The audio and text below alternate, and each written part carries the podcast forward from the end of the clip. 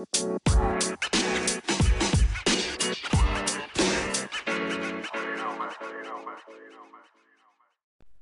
Assalamualaikum, selamat morning, apa kabar sob? Really do hope that you are in a very good mood pagi ini karena pagi ini kita akan membicarakan sesuatu yang sangat penting. Kamu mungkin belum menguasai ini tapi tetap ini sangat penting bagi kamu dan perusahaan kamu. Apa itu? Berapakah target yang mesti kita tentukan tahun depan?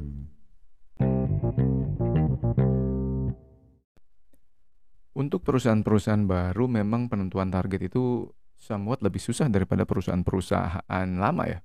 Karena perusahaan-perusahaan lama udah jelas mereka punya historical sales.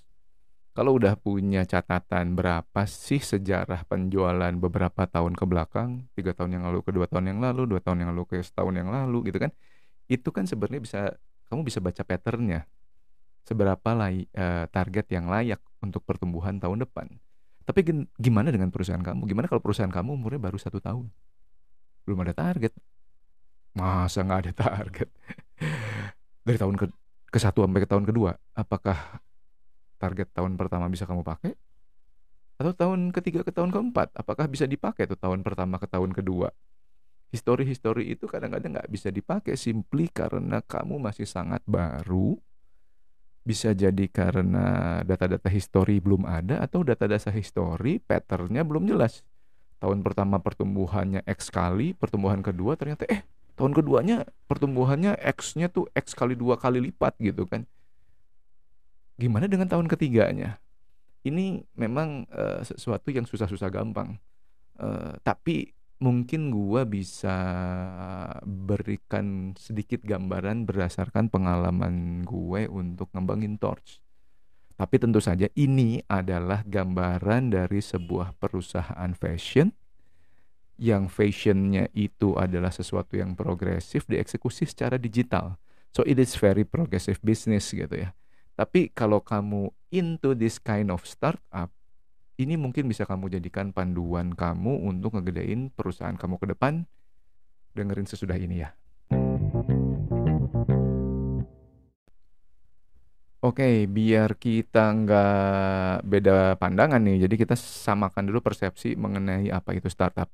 Startup di sini bukan saja sebuah perusahaan yang baru, tapi kita coba pakai definisinya Eric Ries apa itu startup? Jadi sebuah organisasi yang baru, melakukan sesuatu yang baru, mencari bisnis model yang baru untuk suatu masalah baru, untuk suatu situasi yang tidak menentu, yang agak nggak jelas, sehingga butuh solusi baru, gitu kan? Kalau kita udah nyampe di situ, berarti kita sepakat bahwa kalau kamu jualan batako di pojokan jalan sebelah sana, dijual ke tukang bangunan untuk bangunan yang biasa, itu bukan startup gitu ya. Oke? Okay? Nah, Eric Ries selalu bilang bahwa tujuannya startup adalah mencari bisnis model yang baru. Bukan jualan. Bukan jualan. Ini kadang-kadang kita suka terdistract sama jualan-jualan-jualan karena kita terdistract sama of course jualan itu menghasilkan uang dan uang itu menggoda ya.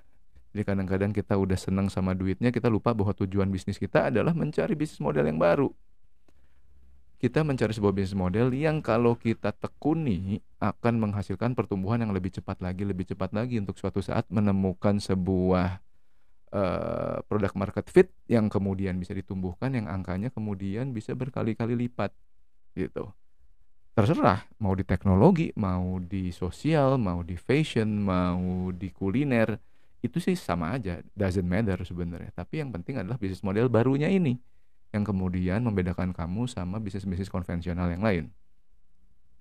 Ini uh, sesuatu yang sangat ini ya spesifik ya. Jadi kita biasanya mencari sebuah pasar yang tidak disadari ada oleh konsumen lain. Eh sorry, oleh bisnis lain. Kita mencari produk yang muncul karena adanya latent demand permintaan yang selalu ada tapi nggak pernah kelihatan. Laten laten tuh nggak kelihatan. Kita mencari metode produksi dan delivery yang selalu baru lebih efisien misalnya lebih jauh jangkauannya. Kita mencari sistem pembiayaan yang lebih agresif dan lebih fair.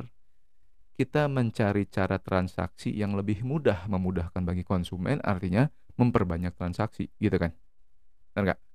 Yalah.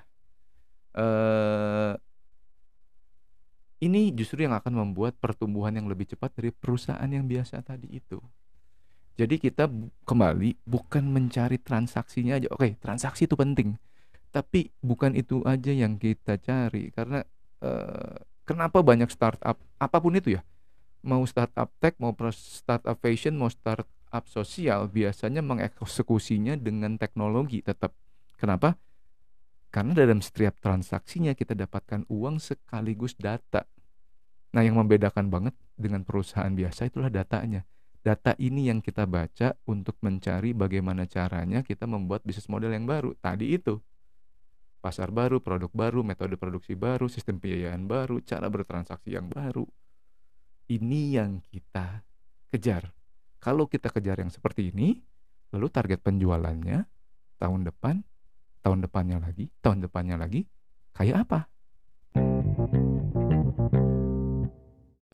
Oke, yuk mari kita ngobrolin tentang target pertumbuhan sesuai fase pertumbuhan. Kenapa kita ngobrolin sesuai fase pertumbuhan? Karena ternyata setelah gue lihat, ternyata ada perbedaan uh, percepatan pertumbuhan angka target di fase-fase yang berbeda ini. Nggak bisa disamain karena memang yang dilakukan di fase itu berbeda dengan fase yang sesudahnya atau sebelumnya gitu. Uh, kita akan bagi menjadi tiga fase, fase formasi, fase validasi, dan fase pertumbuhan. Forming, validating, and growth. Ini tiga fase yang berbeda dan kita akan bicara dari fase pertama which is fase formasi.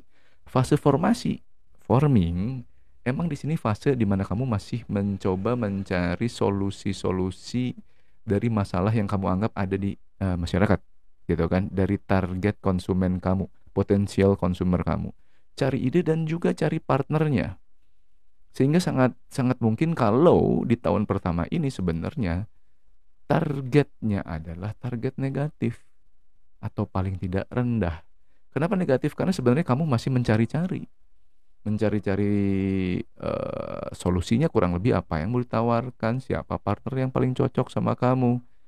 Akibatnya adalah proses penjualan belum berlangsung. Kalau proses penjualan belum berlangsung seperti ini, wajar kalau kemudian in the end of the year ternyata kamu menghasilkan sesuatu yang negatif. Dan kalau kamu sudah tahu bahwa tahun pertama ini akan negatif, artinya apa? Di tim kamu harus ada orang yang kerjanya nyari duit cari uang gimana caranya agar tidak berhenti proses developmentnya hanya karena kehabisan uang. Kapan ini? Saya sangat menyarankan tahun ini terjadi eh hal ini terjadi hanya di tahun pertama aja. Karena tahun pertama tadi event bagi orang yang sudah melakukan ini tahun pertama tetap masuk ke sebuah iterasi baru, hal baru dan wajar kalau menghabiskan uang yang cukup lumayan tapi dibatasi tahun pertama. Nah, sesudah kamu melewati fase formasi, fase cari ide, cari partner, cari solusi untuk potensial customer gitu kan. Setelah itu dapat dapat nih perkiraan solusinya gitu kan. Kamu masuk fase validasi. Untuk divalidasi, tadi tawaran kamu ini diterima nggak sama konsumen? Otomatis kita akan masuk ke fase yang berhubungan sama marketing mempertemukan produk kamu dengan potensial customernya dan melihat bagaimana mereka bereaksi terhadap tawaran solusi kamu. Istilahnya mencari produk market fitnya. Produk dan marketnya fit enggak gitu.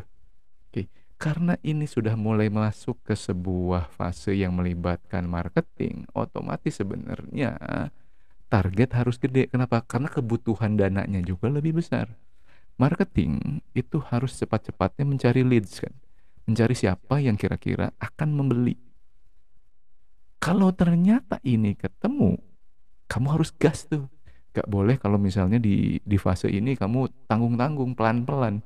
Kalau pelan ya nanti diambil sama orang idenya. Jangan sampai ini kejadian dong ya kan? Jadi di fase ini sebenarnya kamu harus cukup agresif. Begitu dapat oh ternyata dapat nih entah iterasi keberapa ya bisa jadi iterasi ketiga sih atau keempat gitu ya. Atau event kedua bisa dapat makanya kamu harus siap di sini. Begitu dapat gas Gas itu artinya apa? Siapkan biaya marketing, siapkan biaya produksi lagi kalau kita berada di bisnis fashion. Jangan sampai nanti begitu konsumen mau, ternyata kamu nggak siap memproduksi. Entah karena nggak ada tempat produksinya, entah karena nggak ada bahannya, entah karena nggak ada duitnya. Kalau seperti ini, hati-hati. Perusahaan-perusahaan yang lain, terutama perusahaan-perusahaan copycat khas Indonesia, itu akan siap-siap menangkap. Kamu sih nggak dimakan semua dagingnya. Jadi gue makan di kepalanya mereka seperti itu. Makanya di fase ini uh, justru kamu harus siapkan saran saya sih bentuknya financing dulu aja. Kalau udah pasti nih ya kalau udah pasti uh, oh iya ternyata mar produk market fitnya ada uh, pertumbuhannya mulai kelihatan patternnya financing digital cobain gitu. Agunkan aset-aset uh, atau jejak-jejak digital kamu Nah, di fase ini sebenarnya kalau pengalaman gua sih pertumbuhannya bisa luar biasa banget. Pertumbuhan 3 sampai 10 kali lipat gitu hal yang wajar. Kita pernah ngalamin kok e, pertumbuhan 900% di satu tahun gitu. Itu mungkin banget. Karena di fase ini kan sebenarnya e, ukuran penguasaan market kamu masih kecil. Ketika kemudian terbukti biasanya cepat menyebar ke market-market yang dekat di situ dan pertumbuhannya jadi sangat agresif. Jadi kalau kamu nargetin pertumbuhan di sini 300 kali eh 300 persen, 900 persen, even 1000 persen tuh ya wajar-wajar aja sih kalau menurut gua. Kapan ini terjadi? Ini biasanya di tahun ya tahun kedua, tahun ketiga, mungkin tahun keempat gitu.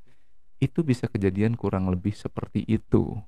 Emang angkanya belum angka yang gede banget. Angkanya mungkin di still one digit miliar atau kebelasan miliar lah. Di angka seperti itu. Jadi di tahun-tahun seperti ini, di angka-angka seperti ini, agresifin pencapaian prosentase pertumbuhannya. Biar semangat teman-teman kamu gitu. Toh kenyataannya di fase ini kamu mulai membutuhkan orang-orang yang jagoan-jagoan banget gitu. Orang-orang yang ilmunya harus kamu ambil dari perusahaan-perusahaan sebelah yang mungkin gajinya agak gede gitu. mulai agak gede, nggak kayak di awal banget gitu. Kalau kamu bootstrap kan di awal-awal mungkin uh, founders-founders yang pintar gitu. Tapi kalau di sini nggak cukup foundersnya yang pintar, tapi mungkin eh, karyawan-karyawan kamu udah harus karyawan-karyawan yang punya cukup pengalaman atau belajarnya cepat, sehingga nggak bisa terlalu biasa gajinya. UMR doang doesn't cut it untuk orang-orang kayak gini biasanya begitu. Oke, kita masuk ke fase ketiga yaitu fase pertumbuhan, growth atau scale up some of us call that. Uh, di fase ini kita meneruskan fase sebelumnya di mana kita sudah menemukan produk market fit. Produk kita sudah ketahuan siapa marketnya yang suka. Traksinya udah ada dan sudah mulai terukur. Which is enak banget kan sebenarnya. Karena di fase pertama kan ngawang banget ya. Punya ide tapi nggak tahu apakah orang akan mau dengan ide kita ini. Akan mau bayar apa enggak. Kalau dibagiin sih gua rasa sih mau-mau aja ya. Selanjutnya tugas kita adalah memperluas jangkauan pasarnya kan. Gimana pasarnya nggak cuma itu aja dan menumbuhkan market dengan mendesain produk baru, memproduksi secepat mungkin, memperluas jangkauan deliverynya, memperluas jangkauan delivery ini berarti delivery produknya juga delivery pesan-pesan yang ingin kita masukkan ke benak konsumen which is called branding anyway gitu ya kata branding ini makin sangat kuat di fase ketiga ini. Di fase-fase awal kamu mungkin akan bicara banyak mengenai sales dan marketing. Eh sorry, di fase kedua tuh bicara sales dan marketing. Uh, tapi di ketiga ini kamu mulai bicara sales marketing nggak akan tumbuh kalau brandingnya nggak tumbuh. Di sini mulai seperti itu. Jadi fase iterasinya di sini tuh nggak kayak di kedua yang banyak fokus di produknya gitu ya uh, atau di marketingnya aja tapi ini marketing yang advance. Marketing yang mulai mencari konsumen baru atau mengubah konsumen yang tidak tertarik pada produk kamu misalnya di attach pada produk uh, pemimpin pasar untuk mulai bergeser ke produk kamu. That's why ya branding jadi sangat penting di sini gitu kan. Jadi kalau di masa sebelumnya baru menemukan pasar, kuncinya menemukan. Kalau di sini adalah menumbuhkan pasar. Jadi pasar yang ada, gimana caranya dengan development produk-produk yang lebih bagus, lebih cocok pada konsumennya, uh, memberikan delivery yang lebih cepat, lebih nyaman, uh, experience belanja yang lebih mudah, di mana aja ada, lebih uh, cepat, ya itu itu di sini fasenya gitu. Jadi kita mulai nih di sini eksperimen dengan fulfillment, eksperimen dengan uh, eh, CRM, customer relationship management di sini tuh. Eksperimen dengan cross border marketing mungkin. Karena kita di sini mulai mencari tadi bisnis model fit gitu. Bisnis model dan market fitnya gitu. Jadi apakah bisnis model ini cocok untuk mengejar market yang seluas target kamu itu? Jadi berapa angka target yang masuk di akal untuk di fase ini Om Ben? Nah ini tricky nih. Karena gini, kita bicara angka dari puluhan loncat ke ratusan miliar, loncat ke triliunan gitu ya. Jadi uh, kita bicara prosentase 200% sampai 300% itu saya rasa sesuatu yang udah tinggi. Tapi uh, gain yang didapat bisa sangat besar. Makanya uh, sangat wajar kalau misalnya di fase ini kita mulai mempertimbangkan kembali memasukkan investasi.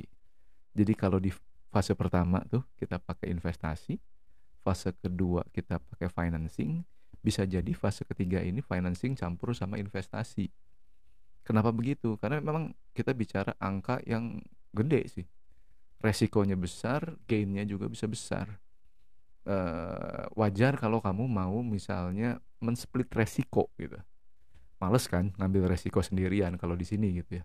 Yang angka-angka ini mendingan split resiko, split expertise juga bisa jadi seperti itu. Uh, di model ini kan kalau kamu misalnya bisa menemukan bisnis model, finally menemukan itu bisnis model yang efektif, efisien dan punya daya jangkau yang jauh, seharusnya sih memecahkan angka triliunan bukan sesuatu yang nggak mungkin gitu. Well of course ini masih di luar tiga saya gue belum nyampe triliunan gitu ya. Tapi kalau dari pengalaman gue sih harusnya uh, tahun kelima tahun ke sepuluh ini adalah fasenya ini. Fase ini nih kalau di uh, startup uh, fashion brand. Kalau misalnya kita bisa nih masuk ke sini dari pengalaman saya harusnya sih ini bisa dieksekusi sama uh, startup fashion brand dengan kecepatan 2 sampai 3 kali lebih cepat daripada brand konvensional. Meaning kalau brand konvensional nyampe titik itu dalam 30 tahun lu bisa dalam 10 tahun. Brand konvensional bisa melakukan ini dalam 20 tahun, lu mungkin bisa melakukan ini dalam 7 tahun misalnya seperti itu. Jadi uh, ini fase yang sangat tricky tapi di sinilah mulai bisnis modelnya ketemu. Tujuan dari pembentukan startup kamu di awal, which is menemukan bisnis model, benar-benar bisa menghasilkan source of revenue yang tidak hanya besar di GMV-nya atau di gross-nya di atas, tapi nanti di bawahnya di bottom line-nya di profitnya juga tinggi.